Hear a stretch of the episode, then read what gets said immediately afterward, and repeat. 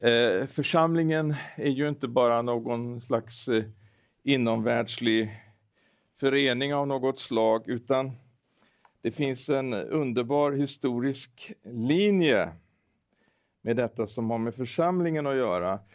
Och eh, församlingen, det är faktiskt Guds idé. Eller hur? Det är ingenting som vi har hittat på. Och varför han har gjort det, det är helt enkelt, det, det, om man säger det, grundläggande anledningen till att eh, han har skapat någonting som, som heter församling. Så är det ju att Gud, han har liksom ett eh, eh gemenskapsbehov. Gud är personlig och, och eh, relationsinriktad. Han har skapat oss människor till sin avbild. Han skapade oss inte för att liksom han skulle bara vara där avskild någonstans uppe i, i, i himlen eh, och, och, vi skulle vara nere på jorden, utan han skapade oss människor för att han ville ha gemenskap. Och då vet vi det katastrofala som hände genom syndafallet, att eh, gemenskapen bröts därför att synden gjorde att vi blev skilda från Gud. Gud, först då i gamla förbundet kan vi läsa, och det är så fantastiskt att han har gett oss en bok liksom, för att eh, vi ska kunna se och förstå och få insikt i hans eh, fantastiska plan. Bygg ett tabernakel, säger han till Mose, för att jag vill bo ibland er. Ja, han vill vara tillsammans med sitt folk. Och till David så säger han likadant, eh, då blir ritningarna lite annorlunda. Det blir så småningom ett tempel och när tabernaklet är färdigt, när eh, templet är färdigt, ja, då står det, då kommer Guds härlighet. Guds närvaron kommer och så fyller han tabernaklet och templet. Och det här pekar ju då framåt mot församlingen, men också detta med församlingen, det är liksom inte själva eh, Eh, vad ska man säga, församlingen i världen är inte själva slutmålet eh, som sådant, utan det finns en ytterligare fortsättning. Och Idag tänkte jag tala lite, eh, åtminstone beröra vid det som, som vi skulle kunna kalla för en eskatologiska församlingen. Det var ett krångligt ord, men eskatologi, det handlar helt enkelt om det som har med framtiden och ändetiden och evigheten att göra. Så att eh, med andra ord, Gud har en plan med församlingen här i världen, men den fortsätter in i evigheten. Ungefär så. Och då är det viktigt att vi liksom har det här perspektivet.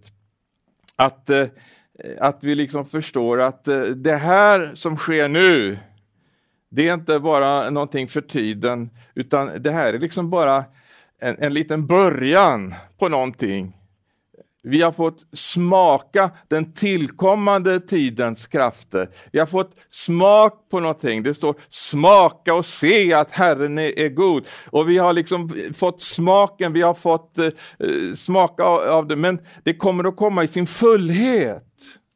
Uppenbarelseboken 21 och 3. Se, nu står Guds boning bland människorna.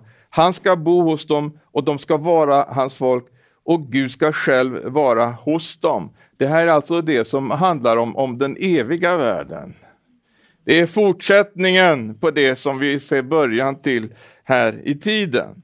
Men innan jag liksom går in på det jag vill tala om här så, så vill jag bara läsa psalm 68, några verser ur den psalmen. Eh, den kom till mig så starkt här igår. Jag tyckte det, det på något vis uttrycker det här som, som församlingen får vara här i världen. Eh, då står det så här ifrån den andra versen att Gud reser sig, hans fiender skingras. De som hatar honom flyr för hans ansikte. Som rök driver bort fördriver du dem. Som vax smälter för eld förgås de gudlösa inför Gud. Men de rättfärdiga gläder sig. De jublar inför Gud och fröjdas av glädje. Sjung till Gud, lovsjung hans namn. Bana väg för honom som drar fram genom öknarna. Herren är hans namn, jubla över honom. Och så kommer det här underbara som eh, eh, jag menar att det handlar om församlingen eh, där han liksom uppenbarar sig som de faderlösas fader. Och jag tänker på, tänk på alla de, de, här, de faderlösa, var är fäderna i samhället? Men Herren kallar in i sin församling. Halleluja. Alla de som känner att de har inte en pappa, men där får de komma in i Guds famn, i, i Guds gemenskap och så får de uppleva att han är en underbar fader. Och så får man dela gemenskapen i Guds familj. Halleluja. Det, det, det är vad Gud gör. Han är de faderlösas fader och änkornas försvarare. Och jag tänker inte bara på änkorna, men också alla dessa ensamstående mammor som finns runt omkring i, i, i Sverige idag. Alla dessa ensamma, Herren kallar dem in i gemenskapen, in i sin familj, att de ska få delta tillsammans med Guds barn. Och så eh, Gud i sin heliga boning, alltså Guds församling, en oas, hans heliga boning här i världen. Han ger dem ensamma ett hem. Visste du att Sverige är världens mest ensamma land? Enligt statistiken. Men han ger dem ensamma ett hem. Halleluja! Han säger kom! Han har inte tänkt att ni ska sitta ensamma, utan han vill att ni ska dela gemenskapen med honom och, och med Guds barn. Det är Guds tanke, därför att det, liksom, det är Gud. Han är så oerhört beroende av detta med gemenskap. Både att han får ha gemenskap med oss och att vi får ha gemenskap med varandra. En gemenskap som är grundad, halleluja, på, på blodets grund. Han ger dem ensamma ett hem och de fångna frihet och lycka.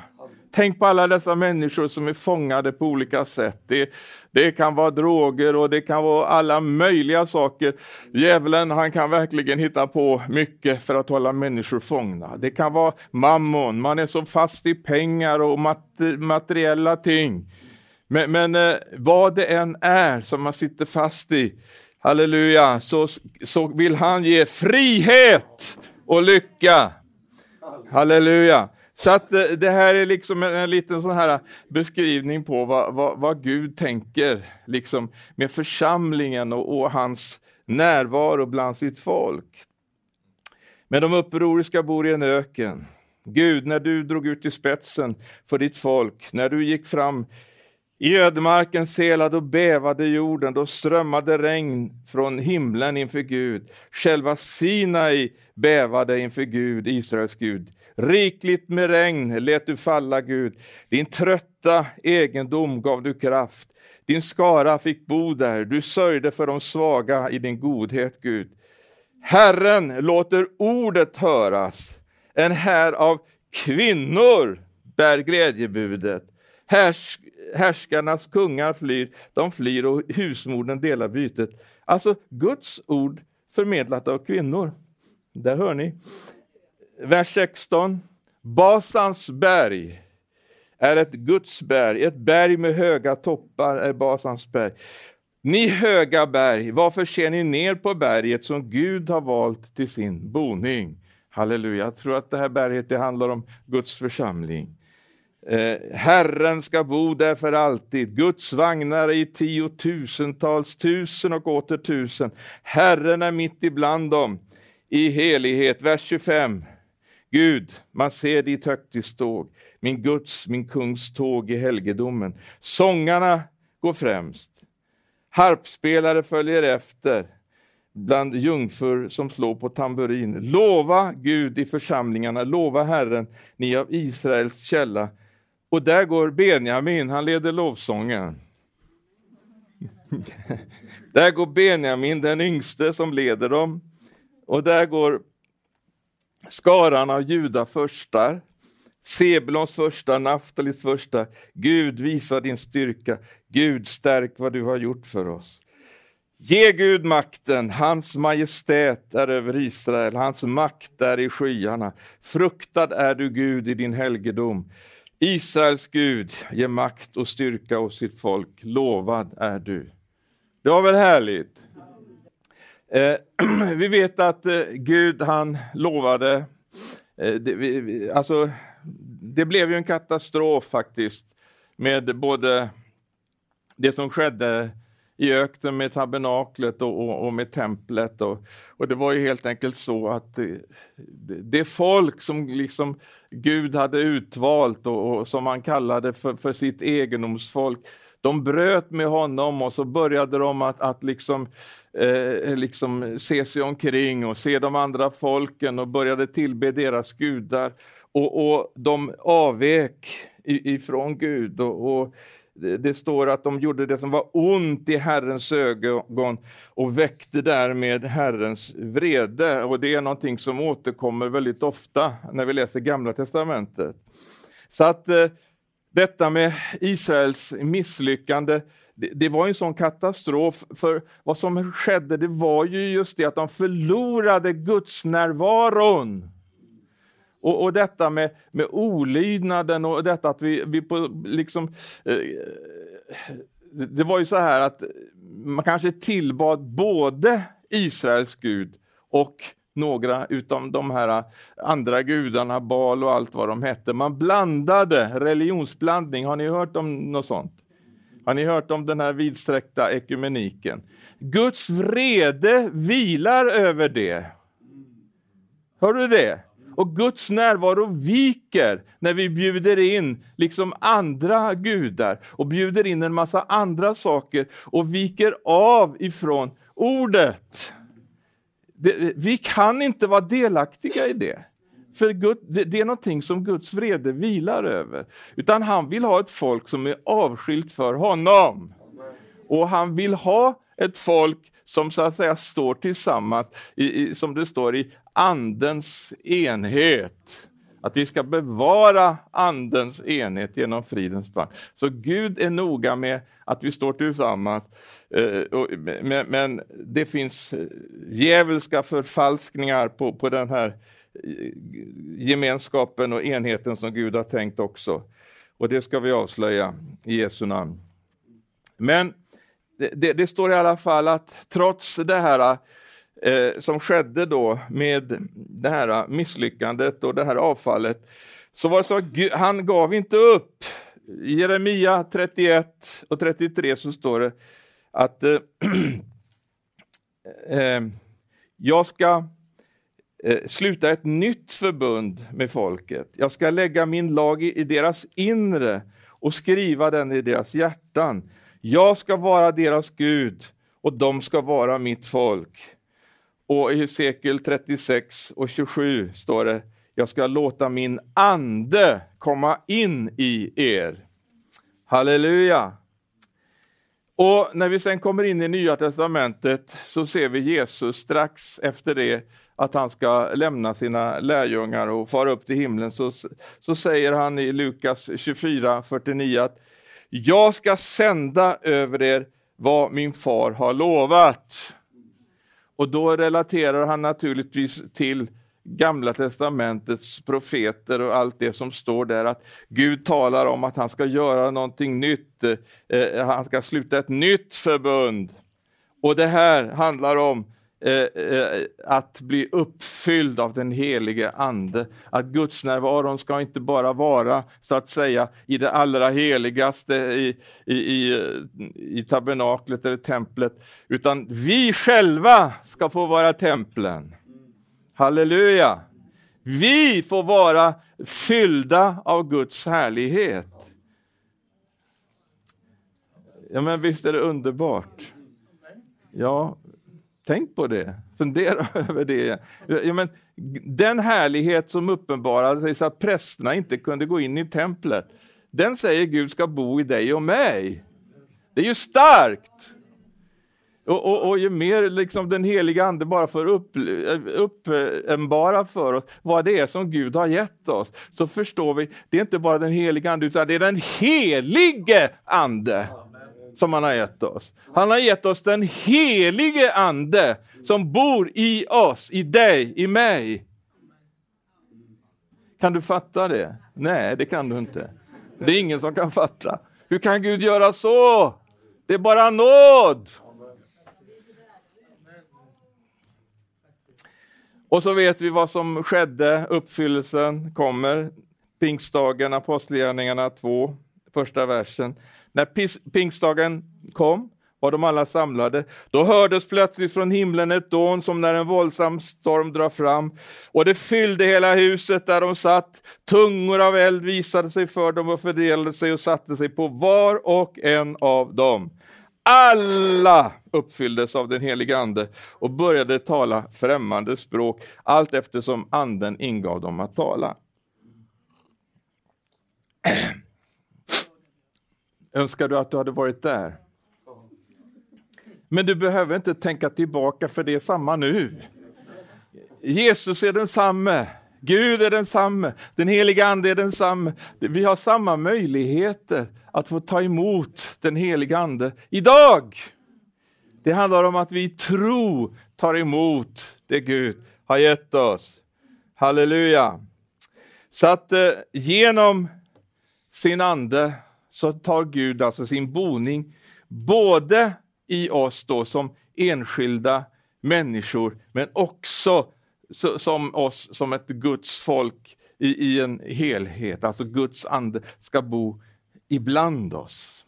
Halleluja. Och det är det som är församlingens kännetecken, att den heliga ande bor hos Guds folk. Det är det som alltid liksom är själva tecknet på att Gud är där. Det är den heliga Andes närvaro. Det är den tredje personen i gudomen, den helige Andes närvaro. Det är det som gör att vi inte bara är liksom en, en religiös förening eller en, eh, liksom någonting, vad som helst, utan vi är Guds församling. Halleluja! Så vad Gud gör, han frälser ett folk åt sitt namn. Halleluja! Och så fyller han det med sin heliga ande. Vi är inte bara, Gud har inte tänkt att vi ska vara en massa spridda individer utan sammanhang. Frälsningens primära mål, det är ett folk som tillsammans redan här i tiden lever framtidens liv och väntar på löftenas och historiens fullbordan. Det är Guds församling. Halleluja! Vill du vara med där? Halleluja! Så att med andra ord, Bibeln säger att den här nuvarande tidsåldern den kommer att liksom föras till ett eh, dramatiskt slut. Vi vet vad Bibeln säger om det, att eh, det, det, denna tidsålder går mot sitt slut. Men församlingen är märkt av evigheten. Halleluja! Vi är framtidens folk. Guds folk är främlingar på jorden. Vårt sanna hem är himlen. Filipperbrevet 3.20. Vi har vårt medborgarskap i himlen. Därifrån väntar vi Herren Jesus Kristus som frälsare. Han ska förvandla vår bräckliga kropp och göra den lik hans härlighetskropp. För han har makt att lägga allt under sig. Halleluja. Och när Jesus trädde fram så vet vi, han sa både, han proklamerade Guds rike, men som, som någonting närvarande, men han sa, talade också om något som låg i framtiden. Och det är det här perspektivet som man brukar kalla för redan nu, men inte ännu. Redan nu så har vi fått del av Guds rike, men inte ännu har vi liksom fått fullheten, utan vad det representerar. Och detta perspektiv just då, att man eh, väntade att Jesus ska komma igen. Det är ju ett genomgående tema hos de första kristna. Och Paulus, han säger exempelvis, jag citerar några bibelord här, första Korinthierbrevet 10 och 11. Så står det, oss som har världens slut inpå oss. I första Korinthierbrevet 7 och 31 så säger han, de som brukar den här världen som om de inte brukade den. Den här världens ordning går nämligen mot sin undergång. Och Petrus han skriver i andra Petrus 3 och 11 att eh, allt detta går mot sin upplösning. Hur heligt och gudfruktigt bör ni då inte leva? Men eh, vi är Andens folk. Vi är Guds folk. Vi är det folk som så att säga är framtidens folk. Och, och vi ser framåt mot det som, som Gud liksom har beredskap för oss. Eh, genom att vi har tagit emot Jesus, genom att vi har tagit emot den heliga Ande, så har evigheten trängt in i tiden, i oss. Halleluja. Halleluja. Vi har fått evigt liv. Tänker du på det här ibland? Det, det fyller våra hjärtan med tacksamhet när vi liksom förstår vad Gud verkligen har gjort, när den heliga Ande får uppenbara och se, ja men Gud, är det sant? Ja, säger han, det är sant. Och, och då liksom för att liksom ytterligare bara göra det här, eh, vad ska jag säga, eh, uppenbart och klart för oss, att vi inte liksom ska tvivla på det på något vis, så, så använder Bibeln flera olika sådana här uttryck, talar om, om eh, eh, eh, en handpenning, eller jag vill hellre säga en delbetalning, en borgen, en garant, ett, sigill. Alltså någonting som bevisar. Gud bevisar. Och vad är det för någonting? Andedopet och den heliga andes närvaro hos hans folk, det är som en deposition. Det är som en delbetalning, en första betalning av ett totalbelopp som bekräftar åtagandet enligt kontraktet och garanterar dess fullföljande. Står det i ordboken. Om en handpenning eller en deposition. Och det här står det om i Andra korintbrevet 5 och 5. Gud har gett oss anden som en garant. Halleluja. Har du fått den helige ande? Det är en garant. Det är en garanti. Det är en delbetalning. Jag använder hellre delbetalning än handpenning, för handpenning är någonting som kan förfalla. Men en delbetalning, då är köp, köpet redan påbörjat. Så att, eh, jag har jobbat lite med affärsöverenskommelser eh, och, och, vet att det är viktigt att det är en delbetalning. För då, då, då har man redan köpt någonting. Och vi har fått en delbetalning, halleluja, en borgen, en garant. Men det står också om att vi har fått eh, anden som ett sigill. Och sigill, det var som en stämpel i vax eller i lera som eh, liksom bekräftade ägandet och äktheten. Och dessutom så innebar det att, att eh, ägare hade ett visst beskydd. Gud har märkt dem som hör till honom, han har gjort oss till sina egna. I Efesierbrevet 1 och 13 I honom har också ni, när ni hörde sanningens ord, evangeliet om er frälsning, i honom har också ni, när ni kom till tro, fått den utlovade helige Ande. Anden är ett förskott som garanterar vårt arv, att som ett sigill hans eget folk ska befrias till hans ära och pris. I Andra Korinthierbrevet 1 och eh, 21 så står det att det är Gud som befäster oss och er i Kristus och som har smort oss. Han har även satt sitt sigill på oss och gett oss anden som en garant i våra hjärtan. Halleluja! Det, det, det här lite, det känner, man känner det är trygghet i det här. Vi behöver inte tvivla på frälsningen. Vi har fått den här, det här sigillet, vi är stämplade från himlen. Vi har, vi har inte vilddjurets märke. Nej, nej, nej, vi säger nej till det. Vi är stämplade med, med, med, med det himmelska sigillet. Halleluja! En handpenning är bara kanske 10 procent eller en delbetalning 10 procent. Men de återstående 90 procenten, hur underbart ska inte det bli? När vi har upplevt Herrens härlighet här på jorden så säger vi, åh, kan det bli mer? Ja, det kan det. Det kan det. Jag menar att den här tidens lidanden inte kan jämföras med den härlighet som ska uppenbaras och bli vår.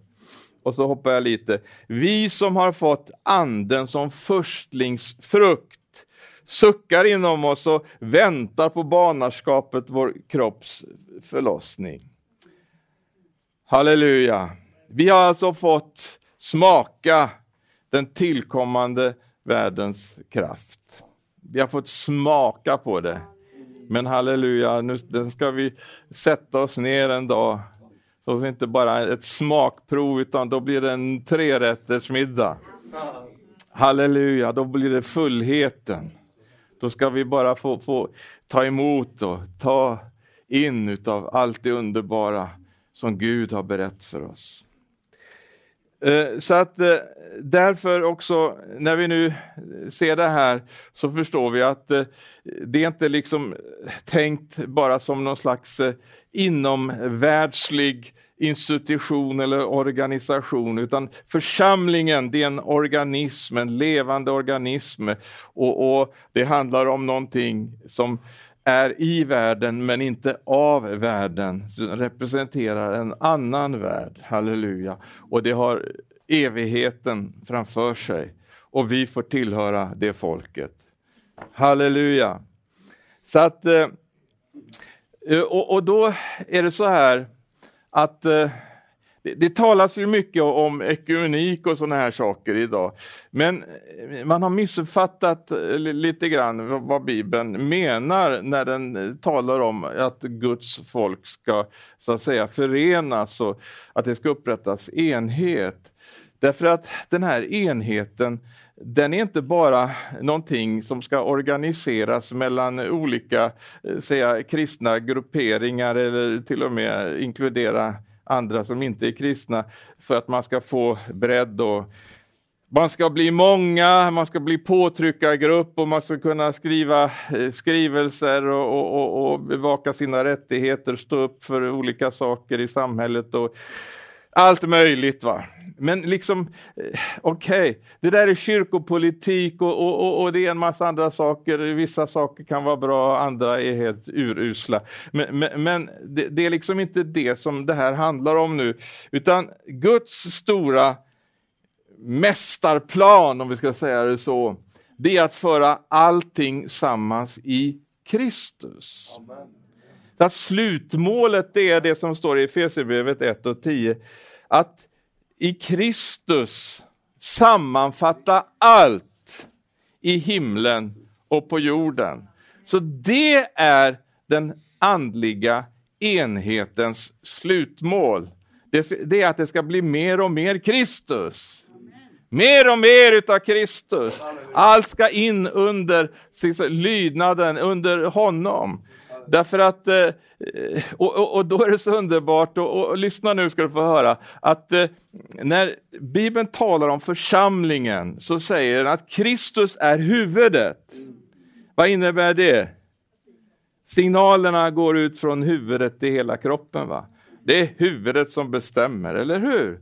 Det är en bild på det, att han är huvudet. Men det är liksom, vi är i världen, men inte av världen. I världen så är det uppror mot huvudet. I världen så, så denna tidsålders Gud, det är djävulen. Och han är liksom den stora upprorsledaren. Och i olika underavdelningar under honom så liksom bara representeras det här eh, upproret på olika sätt, även i det som man eh, många gånger kallar för, för, för ekumenik och annat. Eh, därför att det, det, det, handlar inte alltid om att just Kristus är centrum, att det handlar om att underordna sig hans ord och hans vilja, utan det är så mycket mänskliga viljor.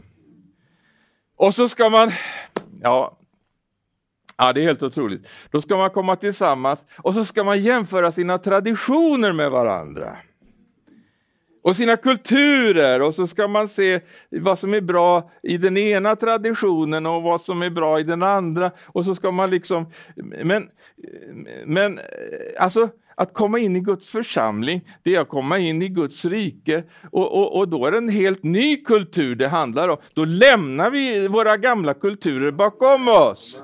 Då kommer vi inte dragande med oss och nu ska vi jämföra här med, med olika, nej, vi ska gå hit! Här är Guds rikes kulturen och här är liksom himmelrikets politik. Det är det som gäller i församlingen. Vi ska inte hålla på och jämföra en massa, världen det är bakom nu. Nu har vi kommit in i Guds församling och nu är det hans program som gäller. Och då får vi bara liksom ge upp alltihop det där, våra liksom favoritintressen och, och allt det liksom som, ja men det är vår kultur, det, eh, vi är sådana i vår kultur och vi gör så här. So what? Du har lämnat det. Det gamla är förgånget, någonting nytt har kommit. Halleluja, det är nytt!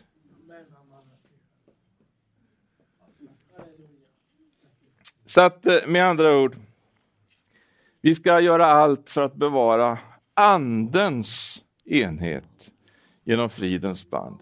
Så det är någonting helt annat än att försöka hitta liksom några slags minsta gemensamma nämnare och, och, och liksom, ja, ja, det vet alltihop det där. Jag behöver inte trötta dig med det. Men vi har lämnat det gamla bakom. Halleluja! Och så säger man att man har en foundation of diversity. Alltså det är helt sjukt. en massa sönderslaget, splittrat liksom ska man bygga på. Vi bygger på klippan. Kristus, halleluja. Ja. ja, du vet alla de här rörelserna som finns. Det, det finns ju alla möjliga. Det, det, fredsrörelsen, liksom, vi vet nation står mot nation och, och, och feminismen, alltså kvinnor mot män. och Bokrörelsen, svarta mot vita och arbetarrörelsen, arbetstagare mot arbetsgivare och kommunism, fattiga mot rika. Liksom, liksom alltihop det här, man, man startar upp olika rörelser för att liksom sina rättigheter. Men då är det så fantastiskt att läsa Bibeln.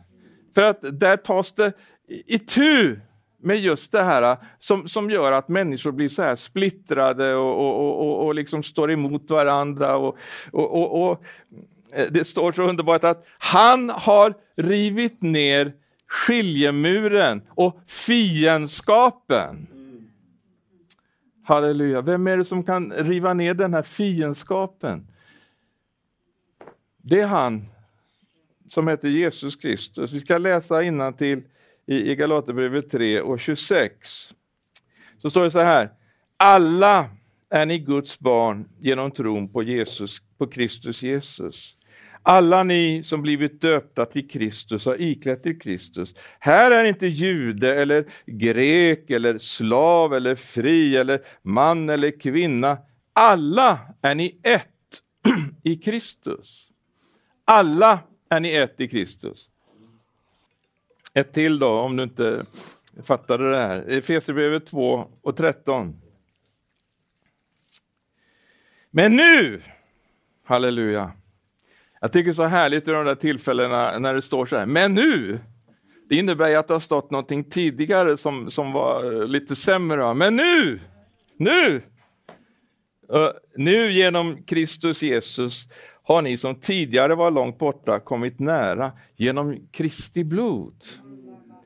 Han är vår frid. Han är vår fred.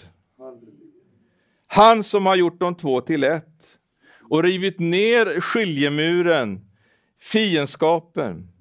I sin kropp har han satt lagen ur kraft eh, medan dess bud och stadgar för att i sig själv ja, för att göra för att i sig själv göra dem båda till en enda ny människa och så skapa frid.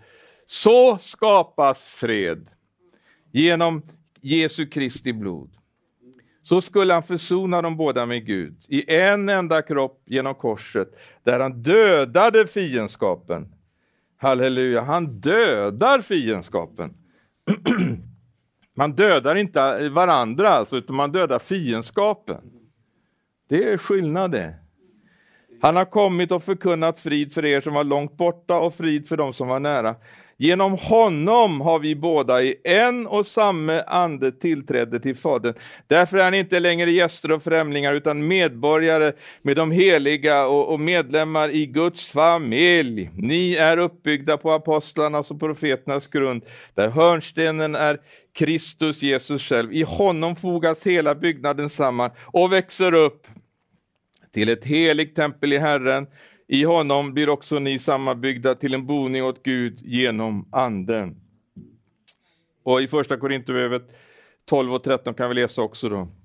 I en och samma ande är vi alla döpta för att höra till en och samma kropp, vare sig vi är judar eller greker, slavar eller fria. Och vi har alla fått en och samma ande utgjuten över oss. Halleluja. Halleluja. Så det är liksom det andedopet, det är den andeuppfyllelsen som gör att eh, allt detta med fiendskapen, det är finito. Halleluja. Men så är det så underbart då, om vi tittar på det här perspektivet att eh, eh, vi, vi, ser det här perspektivet att eh, det som liksom har börjat här på jorden med församlingen, det är liksom eh, bara en liten början. Allt det här underbara som vi har läst om, det kommer liksom att komma i sin fullkomning. Och vi ska titta in i det, för Bibeln ger oss en liten inblick genom Johannes som fick se in i himlen, står det. Och, och i Uppenbarelseboken 7 och 9 så står det Därefter såg jag, säger han, och se en stor skara som ingen kunde räkna av alla folk och stammar och länder och språk. Så att här ser vi, här är det inte liksom någon, någon slags uppdelning på det sättet längre, utan här är det alla folk och stammar och länder och språk, de står inför tronen inför lammet klädda i vita kläder och med palmglad i sina händer. Och de ropar med starkt frälsningen tillhör vår Gud som sitter på tronen och lammet. Vi hoppar till femte eh, kapitlet i Uppenbarelseboken, nionde versen. De sjöng en ny sång.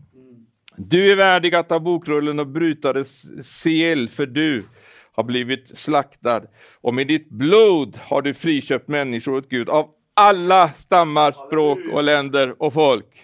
Halleluja! Halleluja.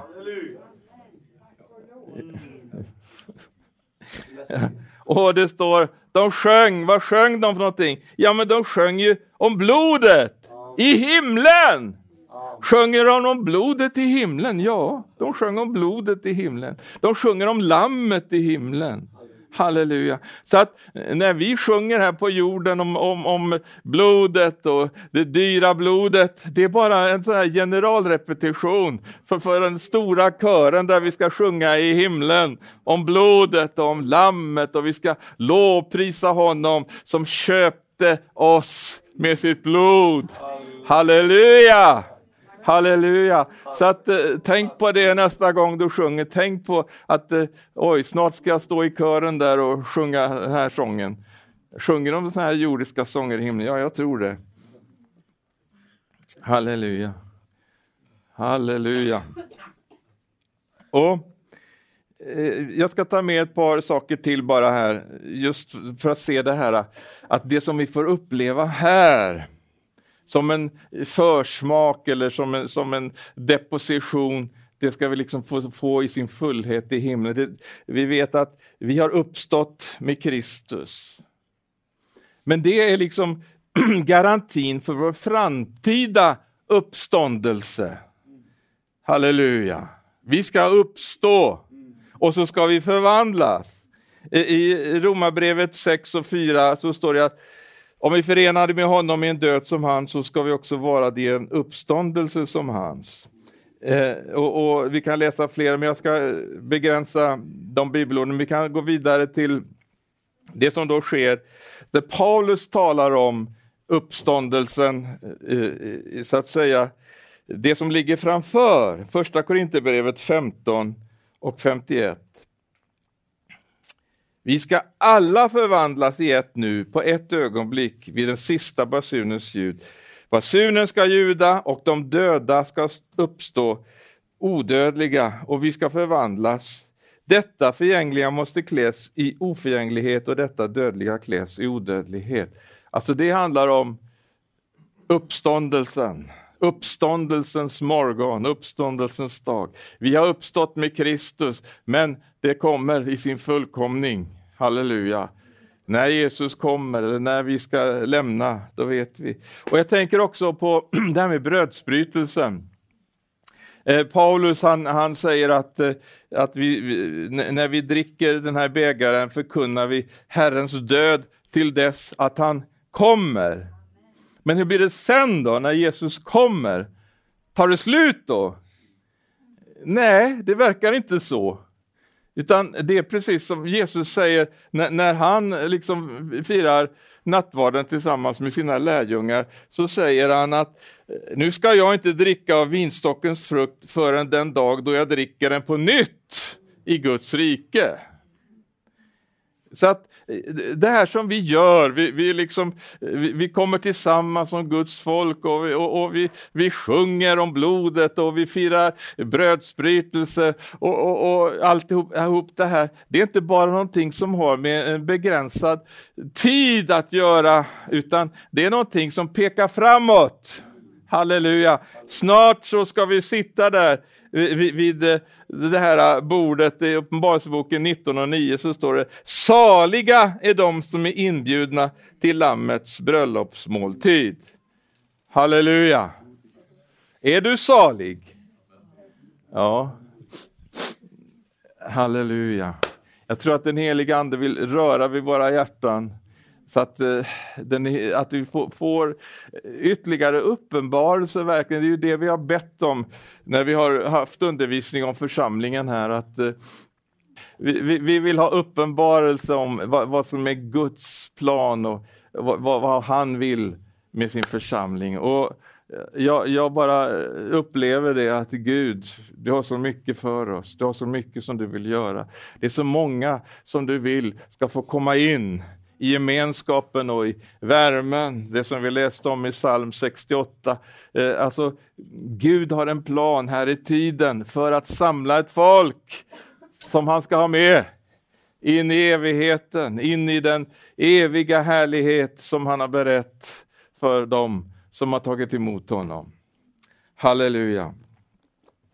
Amen.